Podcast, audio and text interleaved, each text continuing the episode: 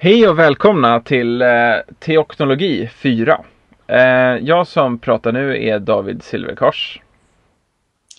Och Mattias Turfjell låter så här. Och Kristoffer eh, Skogholt. Vi sitter som vanligt på eh, lite olika håll. Eh, men inte bara i Uppsala längre. Nej, för nu bor jag i Öresundsbro. Och sitter i mitt omöblerade kontor så det ekar lite. Ja, lite burkkänsla. det är boklådor överallt och bokhyllor som ligger på golvet. Och så även jag, för jag har inget skrivbord än. Mm. Det kommer, så, det så om jag somnar så, ja, så börjar jag snarka och då får ni väcka mig på något sätt. Vi skriker högt. Ja. ja. Eh, vi har ju tänkt att ha lite sådär follow-up här i början också inför varje avsnitt. Och eh, jag har väl egentligen ett mail här nyligen eh, för ett par dagar sedan eh, av en bekanting till några av oss eller kanske alla tre. Eh, Martin Garlöv som är ehm, eh, en väldigt, vad ska man säga, en kyrkligt väldigt aktiv person kan man väl säga. Det kan man säga. Ja, Eh, på, I lite olika funktioner också i olika tider. Sådär. Eh, och inte minst så, så har han ett företag som heter Kumpan Total Kommunikation. Han har jobbat en hel del med kyrkan också. Om jag har förstått det med det. Eh, mm. Så vi är lite cred här för att det är vår första person som faktiskt har hört av sig med... Eh, nej. Nej, det, det, nej, det är det inte kanske. Nej, vi har ju fått via hemsidan också. Fick inte ni det mejlet? Det har gått mig förbi på något vis. ja, men, men då, tar jag det här, då tar jag det här klart som inte är den första feedbacken men som vi ändå uppskattar. eh, och då skriver han så här David, vad kul att du och Mattias är igång igen med poddsändningar. Jag har lyssnat på hela där Mattias trängdes med kundvagnarna. Hehe. Eh, det var ett ganska underhållande avsnitt, inte minst på grund av just det faktumet. Tycker ni? ja, och sen till vår stora glädje så var Kristoffer med förra veckan och är med idag också. Mm. Eh, så det är riktigt nice. Men vad är det vi har fått på, um, på mailadressen då? Det är en av dina gamla lyssnare. Från Godpod-tiden. Mm -hmm. Som även lyssnade på eh, Kyrkans framtid. Som har hört av sig. Jag försöker logga in nu här. Nu ska vi se. Vi har inget namn på honom, men en handle. Han skriver så här, eller hon. Jag tror att det är en han, men... Hej! Kul att ni är tillbaka. Jag följde Godpod och Kyrkans framtid. Jag är också glad Mac-användare sedan 1988. Så nu har jag två anledningar att följa med.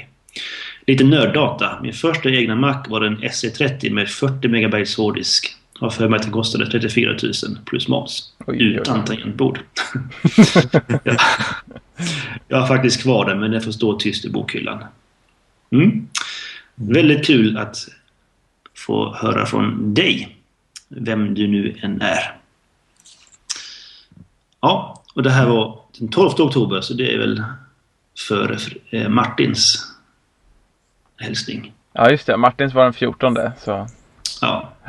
Vad roligt. Då har vi fått lite. Jag måste se till att ha tillgång till den där mejlen också. Någon, av någon anledning så har jag inte fått det. For forward. Mm. I alla fall inställt. Ja, det, det, har nog gått fel någonstans. Och, och nu har vi nyhetssegmentet. Eh, och eh, eftersom vi heter teoknologi eh, så tänkte jag att då kan vi ta teknologidelen först.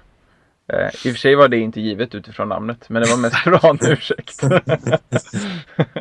eh, och då är det ju så att, eh, nu får Mattias korrigera mig här, men iOS 5 och iCloud släpptes nu i veckan. Stämmer inte det? Jo. Eh, vilken dag var det? För jag tror att jag jobbar kväll den dagen så jag missade nog lite. Det var tisdags eh, eller? Ja, ja precis. Eller men, jo det var det. Mm. Jag hade problem med att uppdatera i tid nämligen. Nu har jag ju haft iOS 5 på min eh, privata mobil för, genom en, en, en väldigt vänlig själs eh, developerkonto så har jag fått det. Eh, så mm. det var inte så nytt för mig på iPhonen. Men det var ju en väldigt trevlig uppdatering på i, iPaden och inte minst också det här som jag tycker gör att Kristoffer snart ska se till att uppdatera också, nämligen att man nu smsar gratis till alla andra med iPhone. Är det så? Ja. Oj, oj. Det går över datatrafiken istället nämligen. Och det gör det automatiskt? Det gör det per automatik för, med alla andra som har en iPhone som är, är uppdaterad. En ganska, det var ju väldigt intressant faktiskt. Och du märker ingen skillnad utan skillnaden är i sms-appen att eh, texten, du, bubblorna du skriver, de blir blå istället. Mm. Och sen finns det ett litet leveranskvitto under varje meddelande så du ser att det har gått fram också. Mm. Eh. Med andra ord kan man nu säga att sms kostar eh, mobiloperatörerna det det borde kosta. Mm. Ingenting. Nej, precis. I princip, bara datan. Mm. Mm. Jag uppdaterade min frus telefon i onsdags, för det gick inte i tisdags. Och eh, jag kan ju säga att jag är sugen på att köpa en ny telefon. okay. Det där är en sån där praktisk sak som är väldigt stor skillnad. Det är inte minst i, relation, äh, i relationen vet jag inte. Men, men ja, i alla fall relationen mellan min frus iPhone och min egen.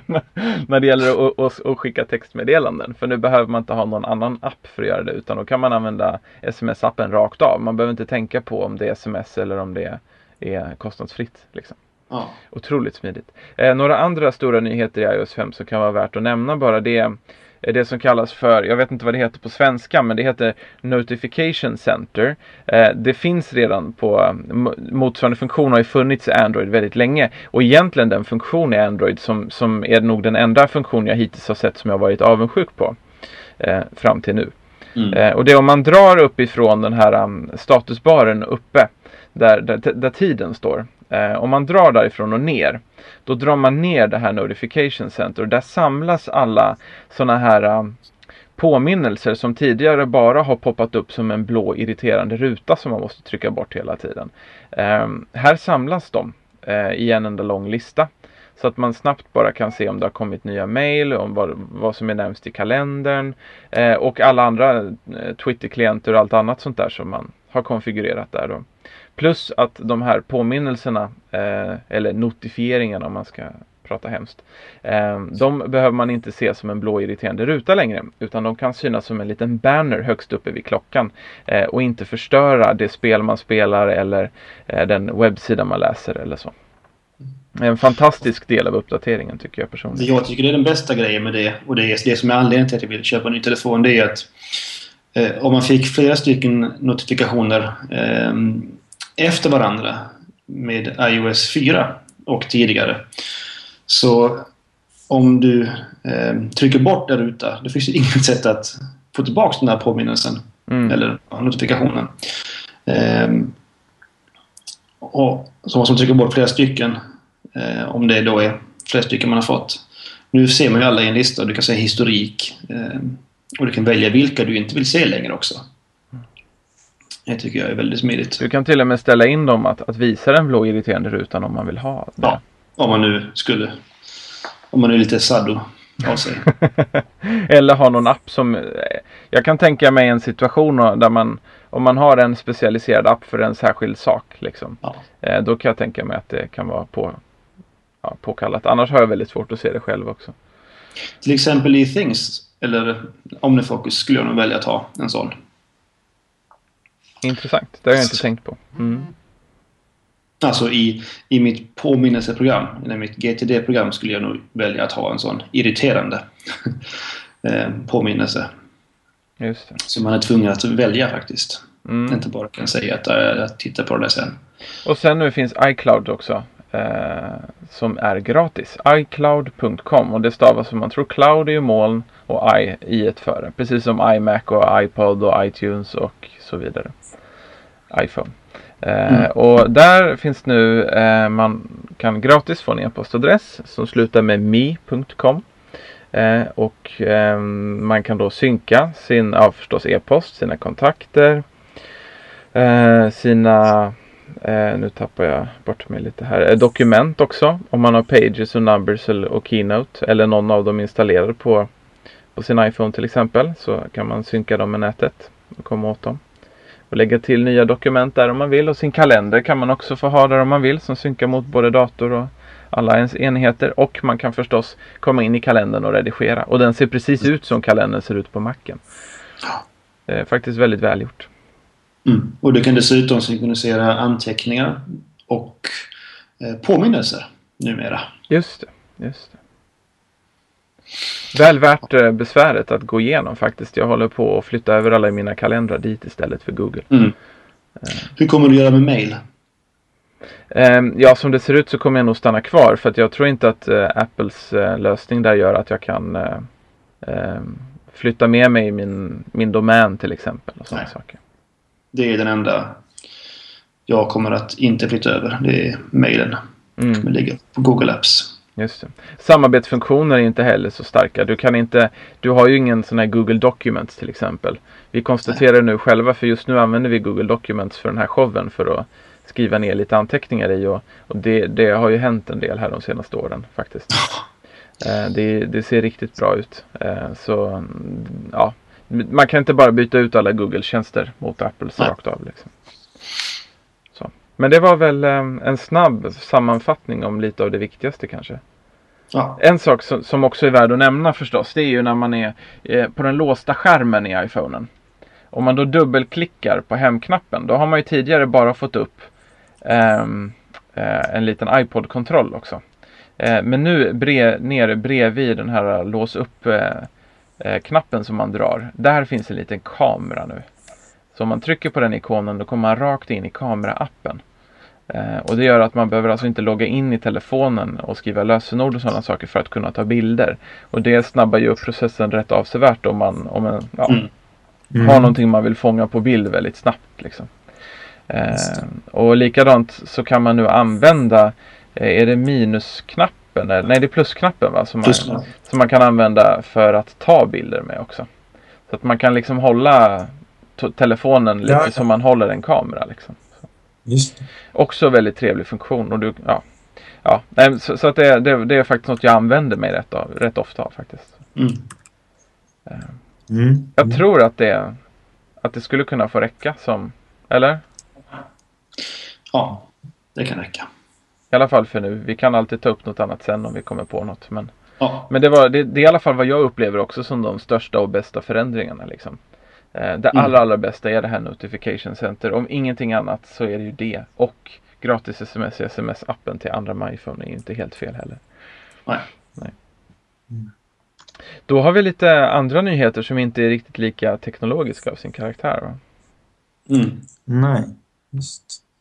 Ja, det har ju varit ett ganska rejält drev mot eh, Håkan Juholt och hans förehavanden. Har ni följt det?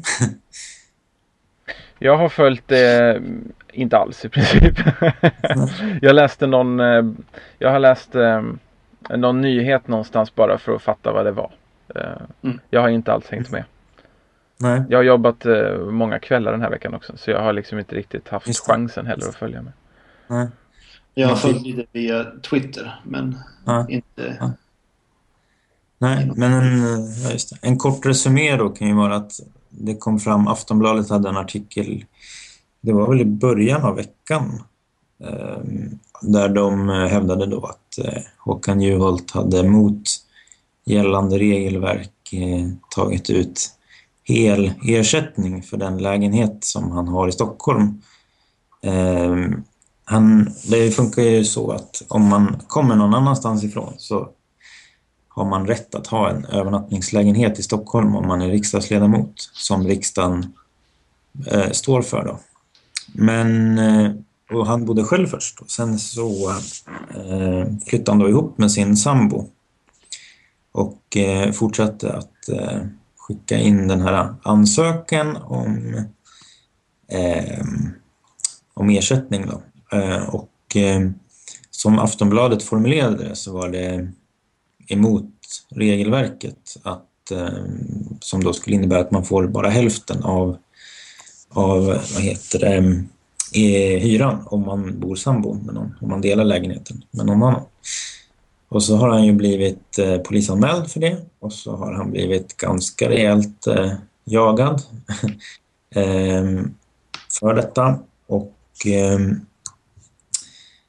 det lite märkliga då i sammanhanget är att det har kommit fram till att det faktiskt inte finns något regelverk kring det här. Och en centerpartistisk ledamot som heter Erik Eriksson, han har frågat vid ett, vid ett par tillfällen eh, riksdagsförvaltningen då om hur, hur det står till med det här nu då för att han, har, han bor sambo. Och de har sagt att det är inget problem att du bor sambo. Och Annie Lööf som blev vald till riksdags, eller partiledare för Centern för några månader sedan eller någon månad sedan. Hon eh, har också frågat riksdagsförvaltningen om detta eftersom hon bor sambo. Um, och då hade de svarat att du får bestämma själv om du vill ha hela eller halva ersättningen. Och hon valde att ta halva ersättningen då för, för hyran och sådär. Men hur som helst har det här skapat en ganska speciell situation och jag läste idag Martin Jönsson som är eh, redaktionschef på Svenska Dagbladets nyhetsredaktion. Då skrev han en liten notis kring det här för det har blivit en liten debatt sådär kring mediernas roll och då skrev han att jo, det är klart att drevet var lite överdrivet men väljarna har ju reagerat väldigt starkt på det här. Och det bevisar på ett sätt, menar han då, det bevisar att drevet inte var överdrivet. um, ja, det var, en, det var en resumé av vad som har hänt kan man säga. Mm. Har ni några reflektioner kring det hela? Ja, jag... Eh, alltså, det känns ju som att det är man har liksom letat efter någonting att sätta dit dem för nästan. Mm. Um, och samtidigt så... Uh, jag såg ett citat um, på en blogg, Per-Mattias Nordqvists blogg Lifefeed i min RSS-läsare idag. Uh, från några veckor före han tackade ja till att bli uh, ordförande för Socialdemokraterna. Mm, mm. Ehm, och han säger själv så här om förslaget att han skulle bli. Oj, de är inte kloka. Jag är alldeles för yvig, ostrukturerad. Jag har inte en personlighet som passar för att ha ett sådant ledande uppdrag. Jag vet det. Jag känner mig själv väldigt väl. Jag ser det som helt otänkbart. Jag har varken kapaciteten politiskt eller socialt att ställa mig först i Sveriges största politiska parti. Jag inser min begränsning. Slutcitat. Mm. Mm. Ja, det är... Ja, det är lite... han varnar nästan själv för att det här kommer att hända. Ja, det är ju möjligt att det är sant, men frågan är bara om det här är ett exempel på det. Ja, det är sant. Ja. Om... Hur som helst så var det väldigt kärnfullt och inte så yvigt formulerat. Det var väldigt välformulerat och tydligt ja. liksom. Eh, vad sa du? Det var ja, det här citatet. Jag tycker det var väldigt välformulerat och tydligt och inte överdrivet yvigt eller ostrukturerat. Utan Nej, väldigt det... kärnfullt. Ja. Sen kan jag tycka att... Ja, förlåt. Det var, bara, det var som man säger inom äh, filosofin, en performativ självreferentiell inkoherens. ja, det var bara onödiga ord, men lite... Jag kommer ihåg att vi hade en liten, eh, litet samtal om nomenklatur i ett avsnitt av Kyrkans framtid. Ja, okej. det minns inte jag. Men... Ja. Nej, men det, det här drevet, det känns... Jag vet inte, det känns ganska typiskt svenskt. Jag vet inte om jag tycker att det är så typiskt svenskt men jag tänkte lite på att jag tycker att det är lite av vår tids motsvarighet till sådana här stupstockar och offentliga avrättningar och liksom den här sadism eller alltså ah. sadism eller liksom den här ja men liksom offentlig förnekelse eller offentlig förödmjukelse som liksom, mm. det här är en arena, det är förstås en mycket mer human form men det är ändå lite samma liksom mekanismer kan jag uppfatta det som. Och, och Juholt får så frågor. Jag minns när han, där ett, en episod, det är typ 20 5-30 journalister i en liten smal mm. korridor som samlas runt honom och går efter honom. Och så, så är det en, en journalist som ställer frågan Är det här ett drev? Och, liksom, och, han förväntar sig nej, nej, nej, det här är inget drev. För det är också det, man får inte kritisera media, uppfattar jag det mm. mm. det. Är lite, media, media kan liksom inte göra fel, verkar det som. allmänna konsensuset är lite grann att... att, eh, det, det känns som att det, det har skett en slags skifte i hur journalistik eh, eh gestalta sig på något sätt. Om du har läst lite om hur det har förändrats i USA. Mm. Mm, Och där har det ju gått från att vara mer eh, grävande, undersökande och kanske mer eh, alltså långformsartiklar Mm. då, eh, till att bli mer åt det här hållet. Mm. Ehm, Ja. Så på ett sätt har du rätt att det kanske har någonting med vår, vår tid att göra. Men jag minns hur det var eh, efter förra riksdagsvalet när Sverigedemokraterna fick så eh, stor andel av rösterna. Då befann jag mig i, i USA. Jag kommer ihåg att jag skrev på Twitter att eh, ja, kanske lite väl hårt uttryckt, men Pöbel-Sverige visar sitt rätta jag. Plötsligt vet alla hur, ja, många procent det nu var, 4,5 procent av Sveriges befolkning är och ska tystas. Mm. Eh, Ja, just det. så, det, det känns svenskt. Eh, Ja, ja. Ja, ja men det, det håller jag med om. Jag håller med om det. Att, eh, det jag tolkar det lite grann när det handlar om, om den delen lite grann att i Sverige så finns en... Det är en, Sverige är en väldigt homogen kultur eller har varit Mm. en väldigt homogen kultur och eh, det är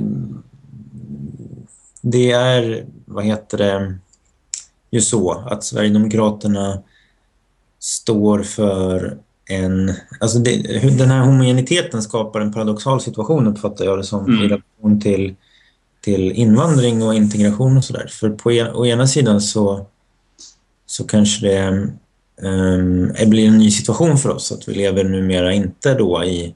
Alla, alla har inte samma religion här eller, eller samma traditioner och så här. Vilket kanske är en liksom, osvensk situation så att säga, eftersom att vi har varit en väldigt homogen kultur.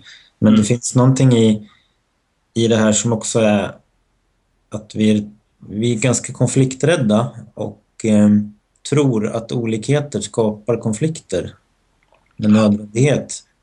Eh, och jag minns när, för några år sedan när det var nationaldagsfirande i tv för en, en av de första gångerna eh, så tyckte jag att det var ganska komiskt att, att jag tror det var kanske fyra programledare på det här programmet som var en dag. Liksom. Och, och som jag minns det så var tre av dem mörkhyade. Och det är naturligtvis inget fel med det, men jag tyckte bara att det blev så ängsligt. Liksom. Att nu ska vi fira våran nationaldag här, så nu då måste vi liksom verkligen, verkligen, verkligen göra allt vi kan för att visa att vi inte är rasister. Och där finns det någonting konstigt i att tro att, att det är rasistiskt, att det är konfliktorienterat eller vad man ska säga, för att man firar sin nationaldag. Eller sin, liksom, det är väl, vad är det som är... Och då menade jag nog lite grann att i relation till Jimmie Åkesson så blir det lite lite den svenska, vad heter det, han, jag menar, säger man, alltså, hur man än ser på det så, så, så tillhör ju han ju inte den politiskt korrekta mainstream-uppfattningen, så att säga. Nej. Mm. Och därför så blir det kanske på ett sätt ett litet hot mot vår homogenitet i någon bemärkelse. Så. Jag tror-. Jag tror att sånt där också kan ha lite att göra med eh, eh, om vi tittar på länderna runt omkring oss, till exempel Finland. De firar sin nationaldag väldigt stolt och är oerhört stolta över att vara finnar och norrmännen lika så. Eh, Mm. Och jag liksom har funderat på, men kan inte det där också ha lite att göra med att vi är inte riktigt säkra på varför firar vi nationaldag egentligen? Mm. Det, vi har ingen befrielse som hände vid ett visst datum. Vi har ingen särskild Nej. seger på något fält mot någon förtryckarmakt. Vi har liksom ingen vi har ingen Nej. riktig sån botten i vårt nationaldagsfirande liksom. Eh, det, jag menar, det har finnarna, det har norrmännen liksom. De har självständighet och sådana här saker som de verkligen firar liksom. Och Mm. det, då är den självständigheten och de sakerna, det är ju Visserligen från början i relation till ett annat land men, men, men i dagsläget handlar väl mycket om stoltheten över att man är ett eget land. Liksom. Och det står inte i relation till att det är, är fult att ha en annan etnicitet eller att det skulle vara något sånt. Liksom.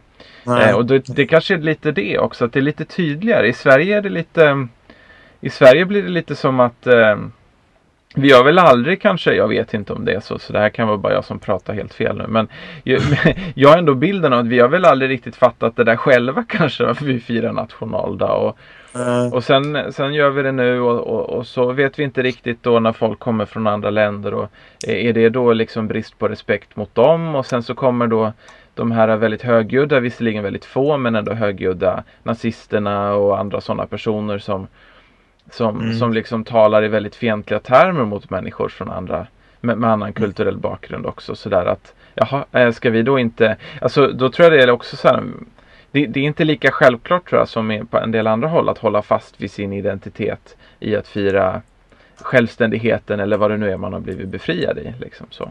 Mm. Vi har inte samma, jag tror inte vi har samma självklarhet i, i vårt Nej. nationaldagsfirande helt enkelt. Nej, det har du, det har du en stor poäng med. Mm. Ja, jag eh, kommer att tänka lite på vad Fredrik Lindström sa när det var den här på det, det nationaldagsfirandet så var det, höll han ett litet tal där att vi i Sverige ibland betraktar det lite som att vi har vi har ingen kultur eller kulturellt relaterade beteenden så att säga utan vi gör bara det som är mest praktiskt och mm. rationellt och modernt och sådär. Och så, så, så, så eh, raljerade han lite på ett kul sätt kring det här till exempel att vi till att vi inte säger åt våra grannar gärna direkt utan vi klagar på dem och sen så ringer vi störningsjouren. att, vi, att vi liksom har en, en institution som ska ta, ta, ta tillvara på det där. Um, Ehm, men jag, när han sa det där om att vi, att vi svenskar ibland uppfattar det som att vi inte har någon kultur så kommer jag att tänka lite på, vilket kan leda över till nästa ämne som handlar lite mer om religion och offentlighet då. Så kommer jag att tänka lite på hur, hur jag ibland kan uppfatta det att sekulära personer eller då kanske mer sekularister som, som är lite mera ideologiska så att säga. Inte bara att de inte är religiösa utan som, eh, hur de verkar ibland se på religion.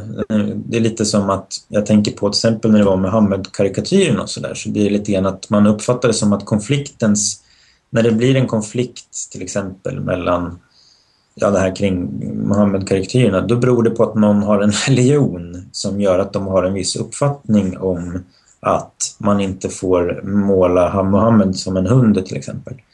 Men för det, och då, den utgångspunkten för det är lite grann att det neutrala är att inte ha någon uppfattning om eller att inte, att inte tycka att, att det gör något om man eh, målar Mohammed som en hund. Eh, men om vi tar ett annat exempel. I vissa kulturer så hejar man inte med vänsterhanden. Det är fult därför att den förknippas med att man torkar sig i baken.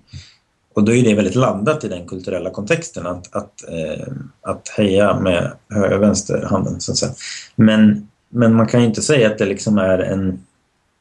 Min poäng är lite grann att den här kulturella referensramen som man har, den kan tendera att eh, den, alltså även sekulär har, menar jag, då, en referensram och en kulturell Ehm, eh, tolkning av fenomen. Och det är, inte mindre, det är inte mer neutralt att så att säga betrakta det som oladdat än att betrakta det som laddat.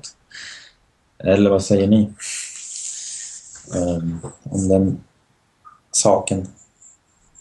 Jag håller, eh, jag håller med. Alltså det är lite som jag var på, eh, jag är skolpräst på en skola.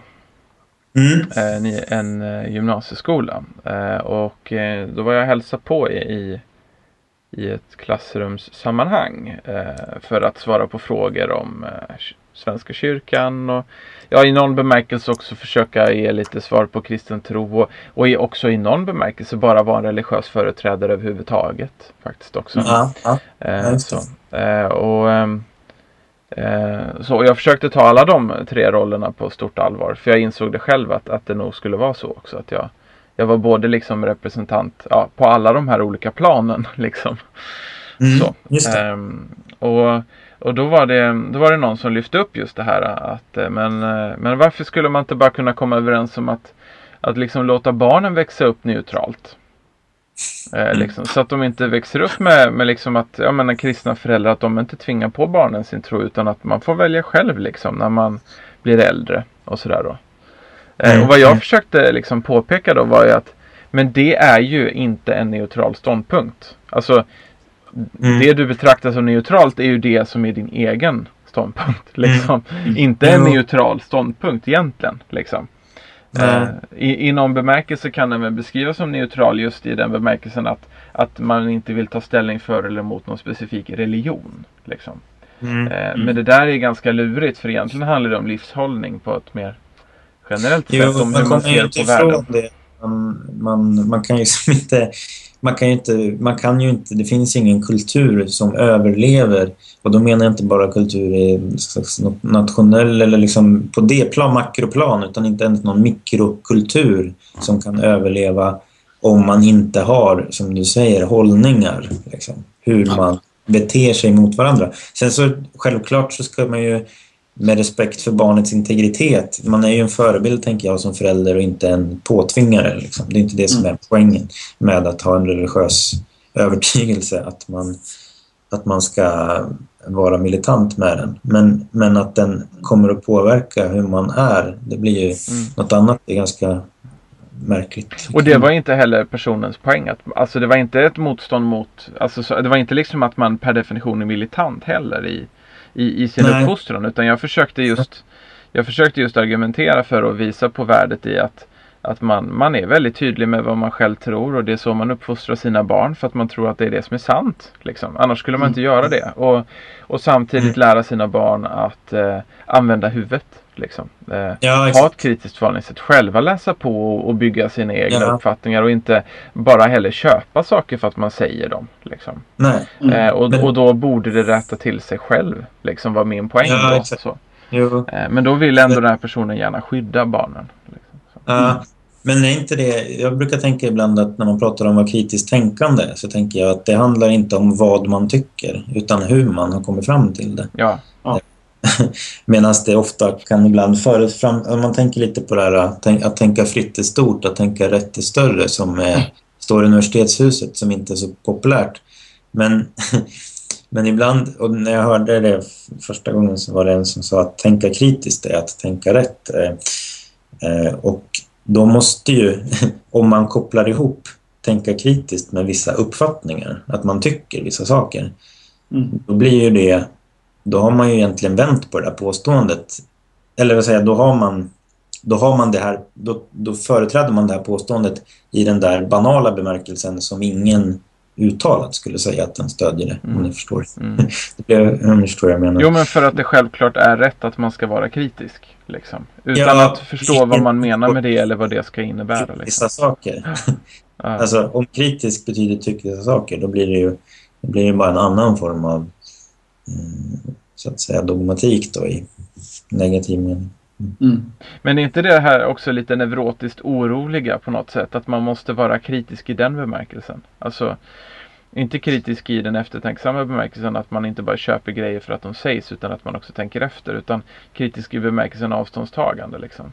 Eh, att man ska inte bara köpa övertygelsen, man ska inte bara köpa saker utan man ska förhålla sig på lite distans. Liksom.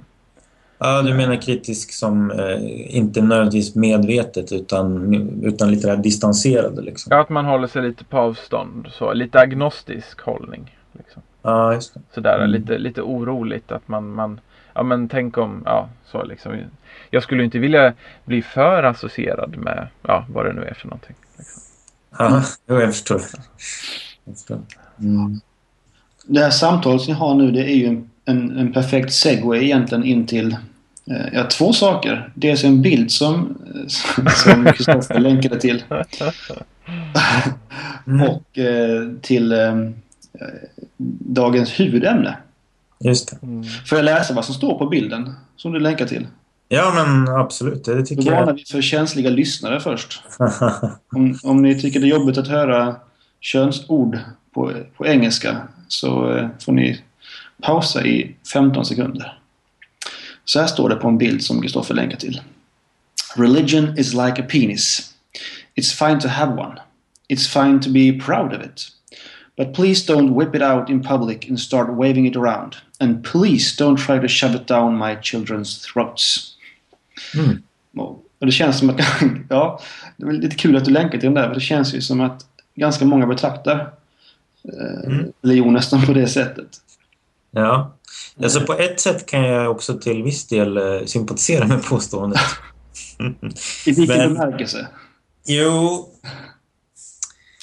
Eh, jag kan eh, sympatisera med det på det sättet att det finns ganska många exempel på religiösa personer som är religiösa i offentligheten på ett sätt som inte är respektfullt för deras medmänniskors integritet. Ja, på ett obscent sätt helt enkelt. Ja, så skulle man kunna säga. Man skulle kunna säga så. Men jag, jag sympatiserar inte med det på det sättet att, att det blir en väldigt stark förutsättning att man tänker att religion med nödvändighet är en privatsak. Mm. Och hör hemma i intimsfären enbart. Så att säga. Mm. Den delen av det hela håller jag inte med om. Liksom. Man skulle ju kunna byta ut kanske religion mot politik i det här påståendet. och, och då blir det... Vilken hållning som helst. Mm. Ja, nästan. Alltså... Det blir så väldigt godtyckligt att säga just religion. Alltså religion är ett väldigt farligt begrepp i den bemärkelsen också, tycker jag. Därför det, det är liksom det, det vanliga, tycker jag, eh, som jag stött på när jag argumenterat med, med personer som kallar sig för ateister, det är ju inte sällan just att man använder religion som en term hela, hela, hela tiden. Eh, mm. Och man mm. talar om Eh, och då, då blir man ofta tilltalad som en religiös företrädare, inte som en kristen företrädare. Så att man får då stå till svars också för allt som religioner gör fel. Liksom. Mm. Eh, och det är mycket tal om religion eh, på något slags allmänt plan. Eh, och det där tycker jag är väldigt farligt därför att det är egentligen bara ett, ett sätt att försöka, eh, alltså det är ett slags samlingsbegrepp. Liksom så.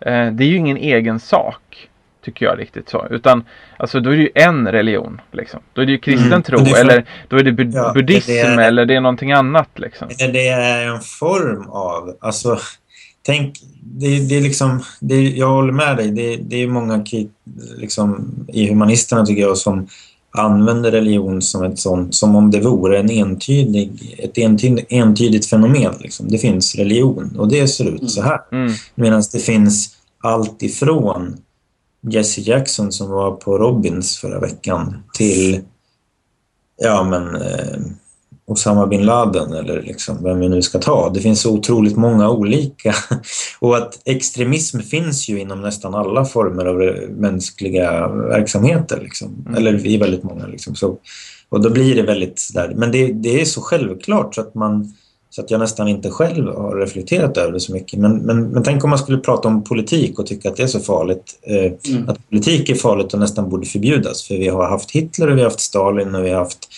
liksom Mao och alla de här knäppjackorna som har varit, haft en politisk idé. De har ju företrätt en ideologi. Liksom. Mm. Vi kan inte förbjuda ideologier bara där. Men filosofi, religion och politik, de hör väldigt mycket ihop. Liksom.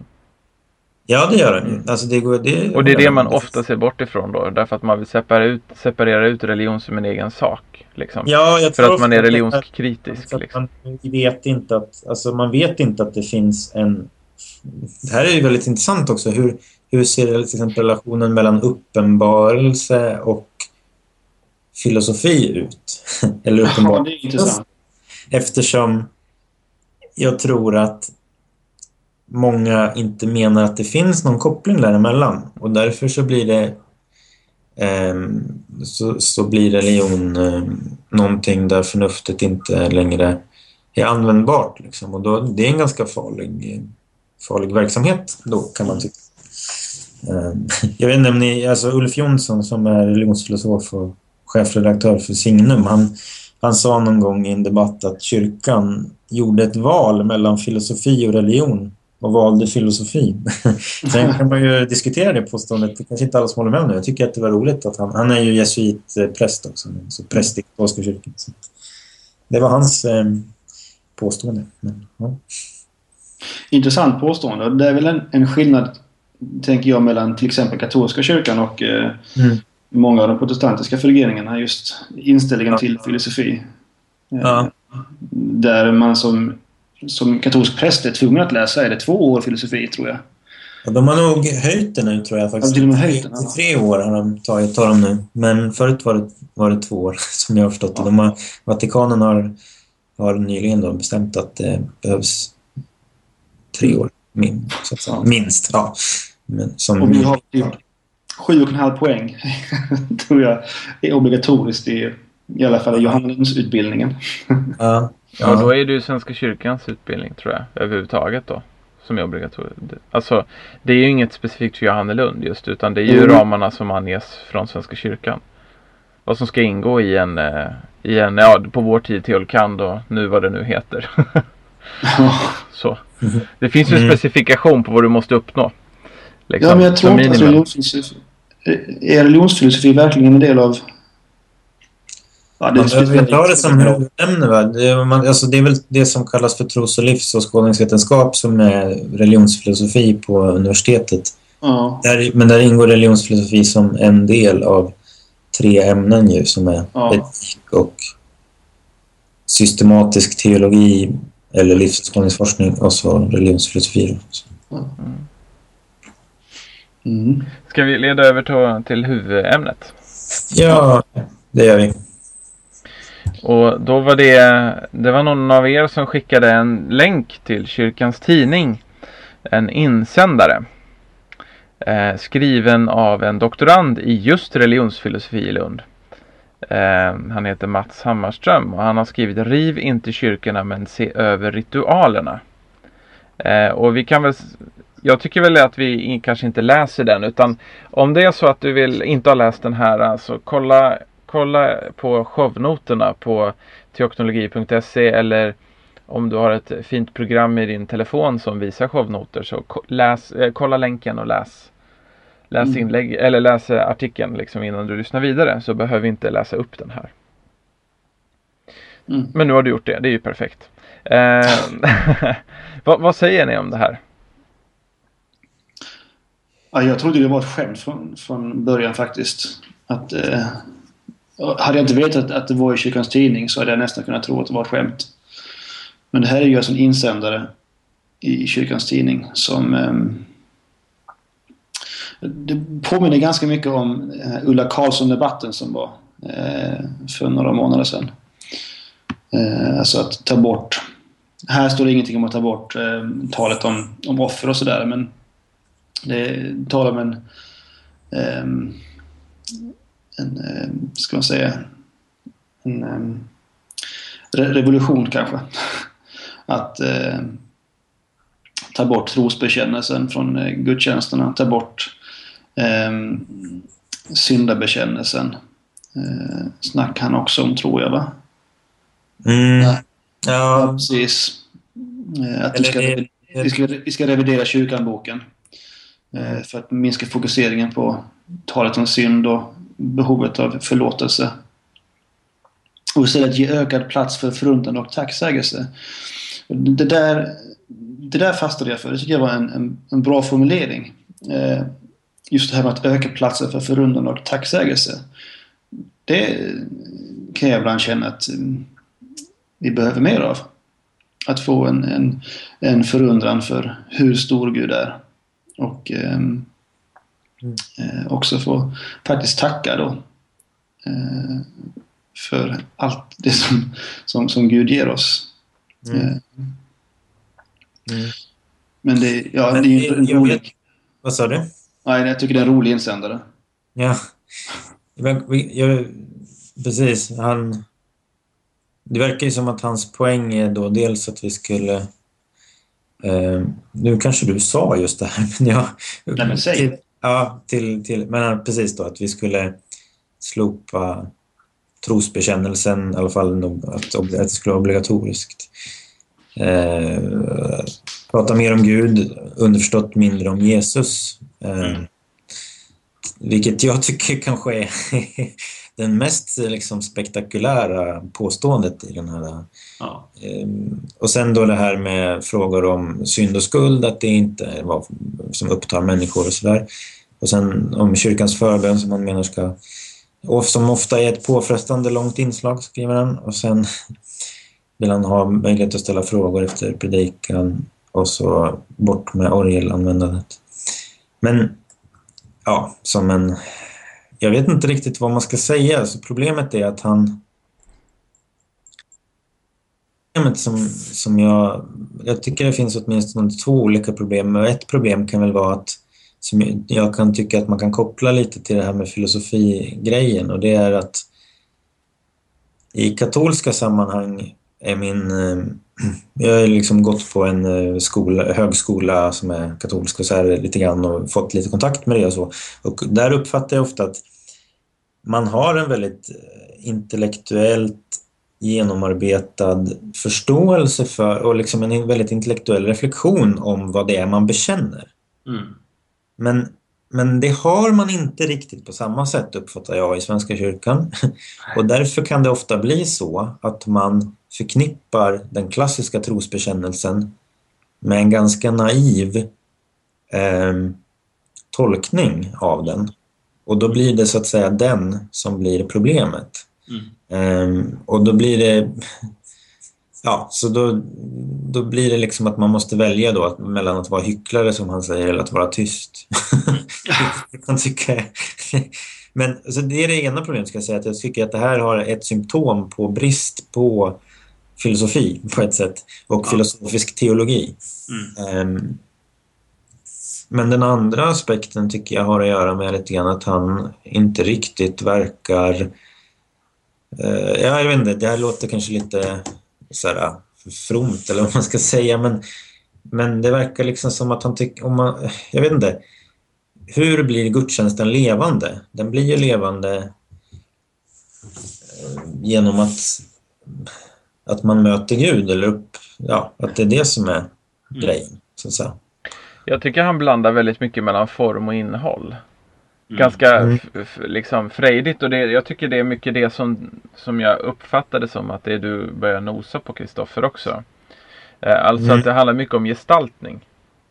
Eh, mm. att, om kyrkans förbön är, alltså det, den får ju till och med en helt egen punkt. Eh, ganska lång punkt också. Eh, om att det är påfrestande långt och sådana här saker. Och mycket av, alltså mycket av det som gör att man uppfattar saker som långdragna är inte hur lång tid de tar egentligen. Eh, utan det handlar oftast väldigt mycket om gestaltning. Mm. Eh, om man gör någonting tråkigt så kommer det kännas väldigt långdraget och gör man någonting mer livfullt genom hur man gestaltar det, genom vilka som mm. deltar och på vilket sätt så kommer det inte mm. kännas likadant. Liksom. Nej, men är det, jag tror att det jag, jag, det jag var ute efter så kom jag på nu när du pratade här att det är delaktigheten som är grejen. Mm. Mm. Och jag har inte hans upplevelse av kyrkans förbön liksom, utan jag upplever att jag ber med och därför blir det inte tråkigt så att säga.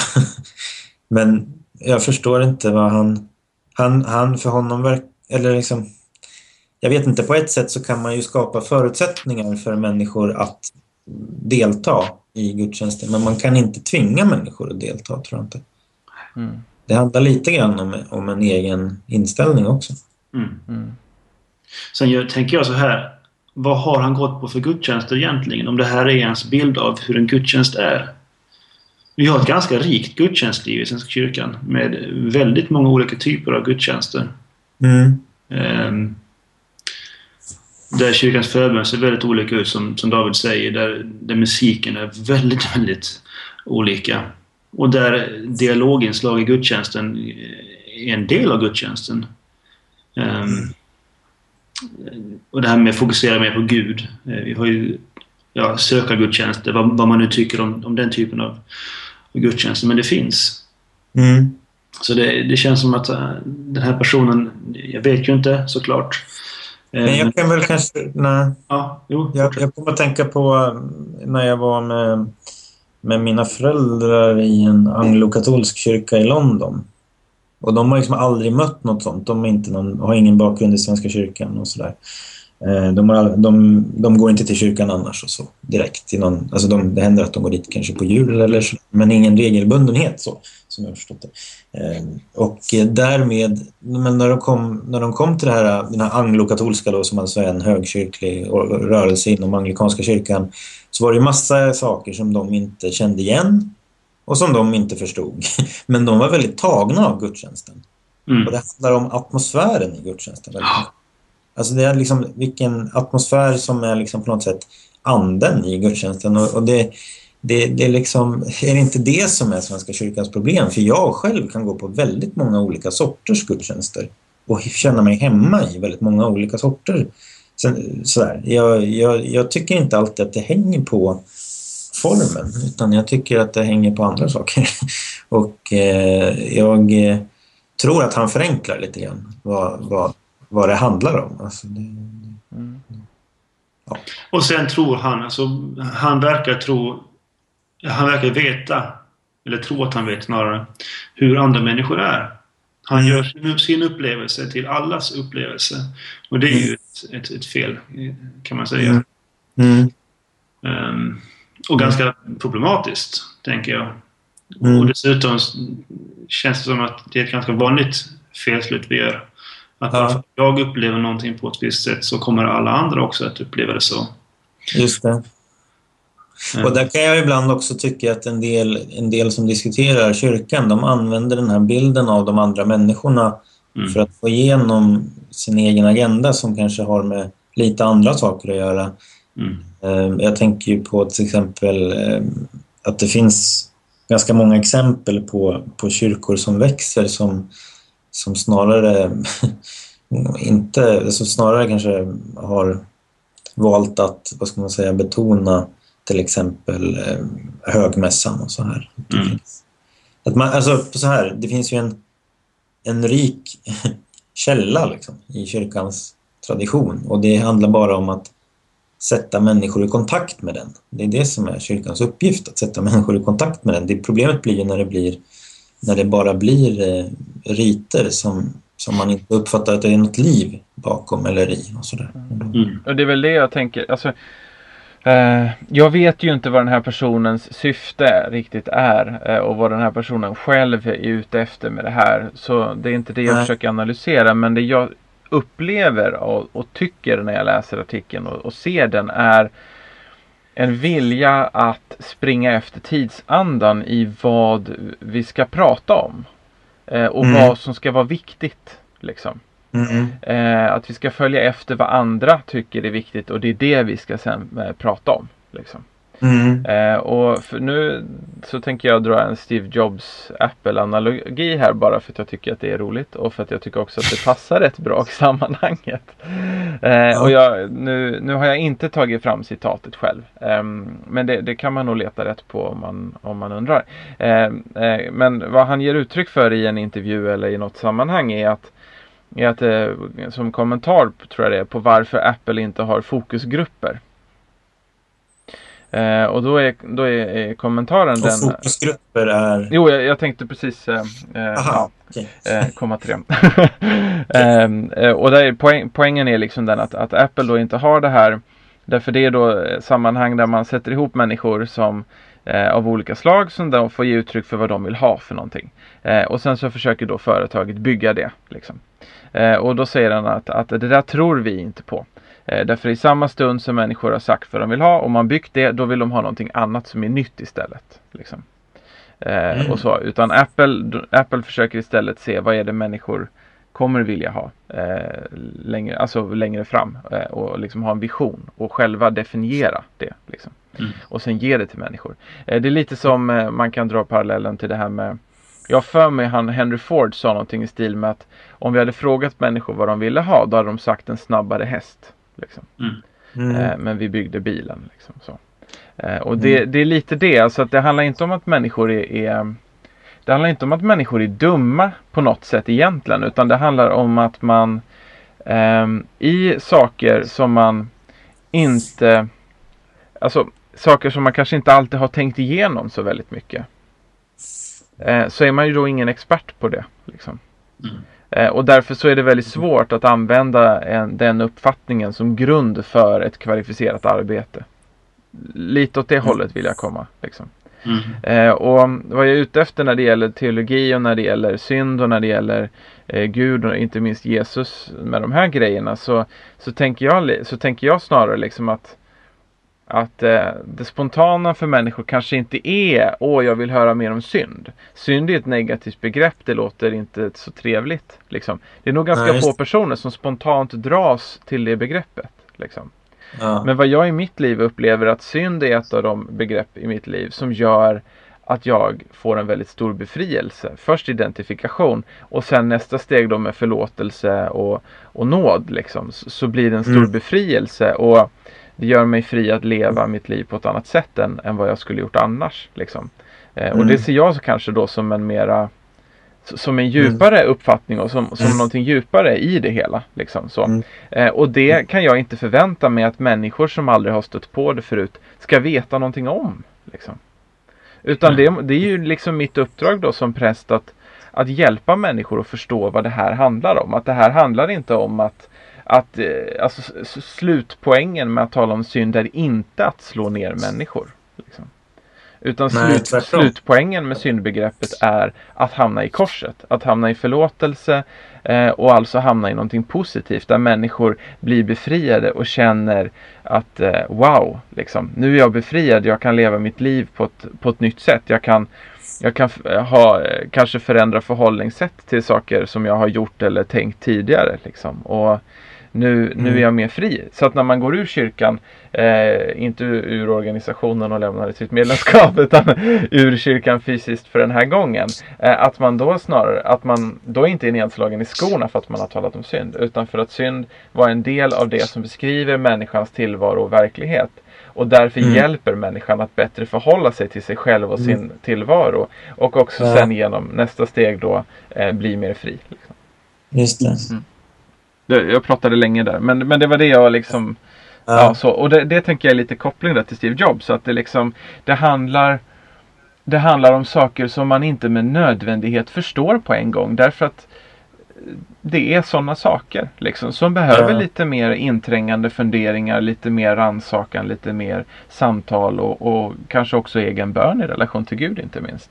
Um, mm. om, man, om man börjar tro på Gud. Och, um, det kan man inte kräva att folk ska förstå på en gång och det är inte någonting som, som man liksom sätter upp eh, i, i, i skyltfönstret och tänker sig att människor som aldrig stött på det här förut ska uppskatta det. Liksom. Nej. Men det är, ändå, det, också... det är ändå en affärsidé. ja. jag funderar bara lite på att jag tror att för många är också synda begreppet missförstått i den meningen att eh, dels att man tänker sig för att jag, för att jag då, vem det nu än handlar om, inte mig utan jag så att säga, i allmänhet, eh, ska vara älskad så måste jag ju vara bra och duga så att säga. Och då blir det lite problematiskt när någon kommer och säger att jag en syndare för då blir det liksom, jaha, jag är inte älskad. Men det är inte, det är inte den kristna förståelsen helt enkelt. Jag tror, jag tror lite att det är lite därför som det blir, det blir när, man, när man uppfattar synd, talet om synd som en destruktiv företeelse så kanske man uppfattar det som att folk står och säger att ni är inte älskade. För det är inte det som man säger. Men det som talet på synd är, är ju i en kontext av ett mer grundläggande bejakande från Guds sida. Och det är just därför man talar om, om synd, som jag menar. För att det handlar ju någonstans om att man ska bli fri från det destruktiva. Och det är ju inte något negativt. Det är någonting, det är någonting positivt att bli... Ja, mm. bli, vad heter det? Bli det.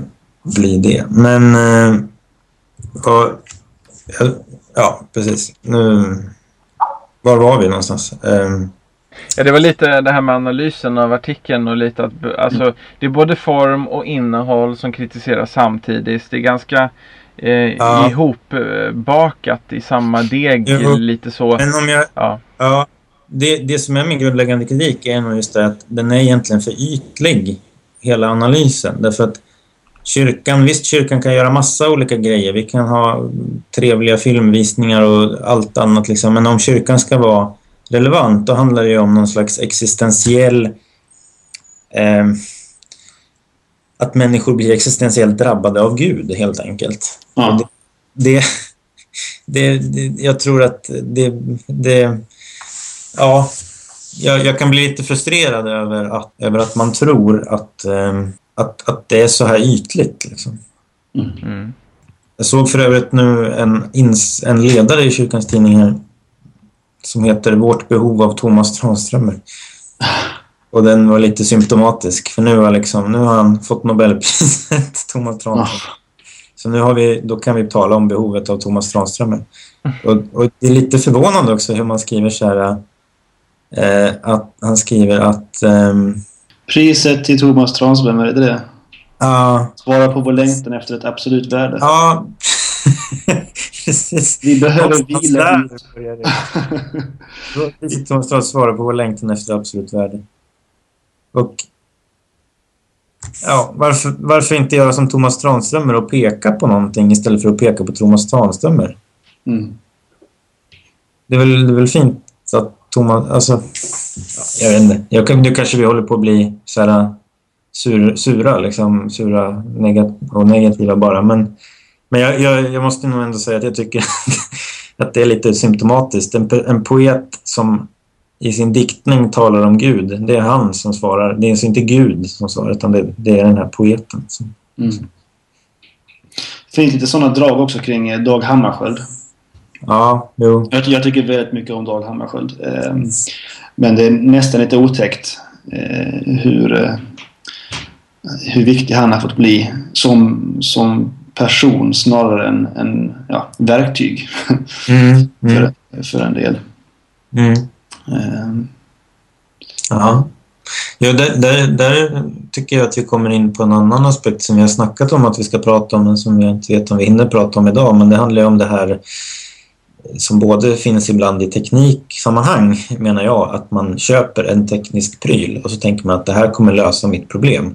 Fast egentligen så har man man bara köper, alltså tekniken är inte magisk menar jag utan den, det kommer alltid behövas ett arbete liksom, för att göra det man ska göra. Men ibland kan förebilder i kristna sammanhang funka på ett lite samma, samma sätt. Liksom, att man, oh ja. projicerar sitt eget liv, kristna liv till den här, man lever ut sitt eget kristna liv genom att upphöja en, en, en förebild eller en person. Liksom. Och på så vis associera sig själv med det snarare än att man gör någonting. Ja. ja och, det, och, det, och det är väl det som jag tycker också är väldigt um, jag, tycker det, jag tycker det hänger ihop lite med alla de här grejerna nämligen. Det är lite så här bristen på djup i det man pysslar med. Ja.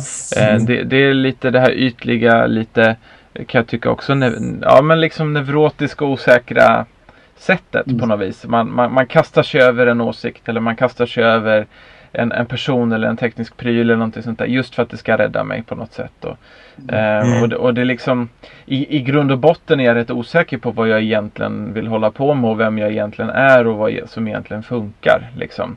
Mm. Eh, så jag skyndar mig att springa från sak till sak eller i alla fall köpa mm. nästa bok om Dag Hammarskjöld eller vem det nu är, eller vad det nu är för någonting. Jo, jo, och jag kommer ihåg eh, när jag var i lite mer, som jag menar, osunda kristna miljöer så kunde det bli på ett sätt så att när det kom en person eller figur i ett sammanhang som var liksom ansedd i det sammanhanget och som man kunde på något sätt eh, relatera till eller identifiera sig med som man tyckte sa något vettigt. Liksom. Så man, då, blev det väldigt, då blev det väldigt mycket upphöjande av den personen för då kände man att man var med liksom, i, i sammanhanget om ni förstår hur jag menar. Mm. mm det kanske blir lite, jag tror att det kan finnas en sån tendens också att ofta kanske man upplever att det står en massa människor där som har en, en, en ganska stor auktoritet eh, och som man uppenbarligen ska tycka är bra men jag fattar inte vad som är bra med det de säger. det talar inte till mig. Och sen kommer det någon som faktiskt talar till mig och då blir det liksom så att man kompenserar liksom för att man ska visa, alltså, för det blir lite grann också kan det bli sådana sammanhang en jargong och där man där man visar hur, hur andlig man är genom att snacka om hur bra den här predikan var eller hur bra den där gudstjänsten var. Mm. Mm. Mm.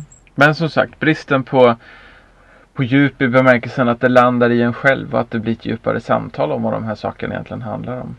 Eh, mm. Det tycker jag är för min del fortfarande det som, utan att veta hur det är för personen, men jag uppfattar den här debattartikeln som sådan. Eh, ja. Att den, den eh, det, skulle, det skulle vara väldigt spännande att prata med personen och förstå mer om vad den tycker. Liksom. Det kan bara vara att det blev olyckligt hur, hur debattartikeln blev skriven. Liksom. Det måste inte alls vara ett uttryck för hur den personen är. Jag vill inte psykologisera men Men, men artikeln ger, liksom som vi pratade om lite här, att, att du Kristoffer säger att kyrkans förbön känns inte lång för dig för du är med och ber. Liksom. Mm. Ehm, ja. Ehm, är personen med och ber som tycker att det känns väldigt långt och påfrestande? Och, ja, men alltså så, det, det går liksom att, att, att lyfta det på flera sätt. Liksom. Mm. Vad man menar med det. Eller så är det oerhört påfrestande långa kyrkans förböner just i de kyrkor där den här personen har varit. Liksom. Ja, just det. Och så, det är jättesvårt att veta på avstånd. Men, men det är därför som ett, ett djupare samtal där, där sådana här saker kan få bli lite tydligare eh, inte skulle vara helt fel. Och kanske också just skilja lite på, på innehåll och form i det. Ja, Eh, så. just det. Jag vill bara kort göra en parallell till, till vad heter det, en TC som jag tycker är ett, sånt, ett intressant exempel på eh, där det finns en djup andlighet men den är inte påträngande. Förstår ni hur jag menar? eh, Tror det. Ja, fortsätt. Ja, okej. Eh, nej, men om jag säger så här då. Många, i, I väldigt många sammanhang, i väldigt många kristna sammanhang då, eh, ser TC som någonting positivt. De kan, komma, de kan vara i sammanhang här i Sverige som är väldigt olika från varandra. Står väldigt långt ifrån varandra. Men de kommer till TC och de uppfattar eh, att här finns det någonting eh, positivt och det gäller många för den delen som inte är kristna också som, som kommer dit eller som åker dit när de är konfirmander och sådär som blir tagna av det hela. Och jag, när jag var där senast så tänkte jag på att, att det som är lite ovanligt eller unikt med TC är kombinationen av en djup andlighet samtidigt som det är en eh, Alltså samtidigt som den inte är påträngande. Du, får, du kan vara där du är. Liksom. Eh, jag kan tycka att Svenska kyrkan ofta vill inte vara påträngande men blir ytliga. Och då, då ger man inte människor någonting. Även om man kanske inte är så jobbig så ger man ju inte så mycket heller. Om ni förstår vad jag menar. Mm. Mm. Man kanske inte, man kanske inte gör ett negativt avtryck men, och det är ju förstås bra. Men, men, men, men eh, man kanske inte riktigt eh, når fram med det, med, eh, med det som är ens budskap eller som är ens eh, eh, ärende då, så att säga. Eh, Medan jag uppfattar att det finns där då. Och sen handlar det också lite om vad man tar upp för ämnesfrågor och så här. Man, man, eh, man har seminarier om, om vetenskap och religion hade de till exempel och om något avsnitt jag var, eller något seminarium jag var på handlade om treenigheten och det, det är Ja, jag, jag tycker att det är bra um, att man kombinerar den här uh, förankringen i den kristna traditionen med en öppenhet och med en djup fromhet. Det är ju bra alltihop. Um, men, och där kan jag ju då tycka att till exempel den här Martin Modéus som ni känner till bättre än vad jag gör men som jag, vad jag förstår har en han, led, han är väl präst i Helgeands församling, heter den va? Nej, du Han var- blandar. Du, ni, ni blandar ihop dem. Ja, det är Eh, Fredrik. Fredrik Modéus menar tror jag. Fredrik Modéus, ja. Ja, det, det är två brorsor och den ena är Martin och den ena är Fredrik nämligen. Ja. Martin är biskop, ja kanske. Ja, i Linköping. Men han har också skrivit om gudstjänstutveckling. Ja, ja. Fortsätt. Hur som helst så utgår ju Fredrik då ifrån högmässan, eller hur? Den väldigt traditionella liksom, gudstjänstformen som det är, som vi har snart 2000 år på nacken. Men det har liksom inte varit ett hinder för att engagera och ehm, ja, få människor till kyrkan. Inte för att det är ett självändamål i, min, i mitt perspektiv, men, men, men hur som helst att få människor att upptäcka kyrkan, så att säga. Mm. Och, eh, ehm, det, det kan ju vara, man kan, jag kan tycka att det saknas i hans artikel, den här dimensionen av hur hur, ehm, hur, ehm, ja, hur fördjupar man gudstjänstlivet, så att säga. Hur, Mm. Mm. Ja, han kommer ju inte med några eh, egentligen konstruktiva förslag. nej, Egentligen.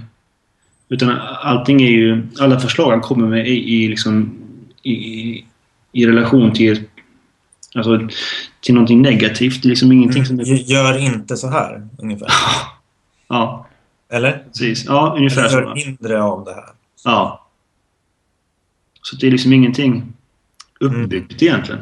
Vad sa du? Det är ingenting uppbyggligt. Nej.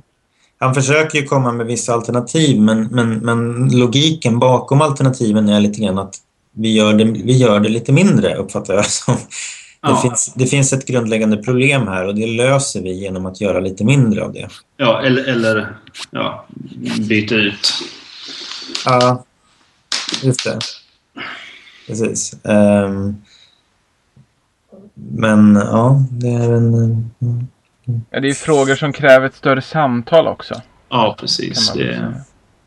Jag tror att vi kanske ska försöka avrunda för, ehm, för den här gången. Just ja. Eh, Vi är redan eh, eh, en timme och tio minuter in ungefär. Så. Mm. Men det känns som att, att vi har berört en del ganska djupgående teman som har återkommit till och med lite genom de här olika ämnena vi har pratat om också. Mm. Om ytlighet och djup, om tydlighet och sådana här saker. Mm. Mm. Vi får tacka så mycket för oss för den här veckan. Eh, Det här var Teopnologi avsnitt 4.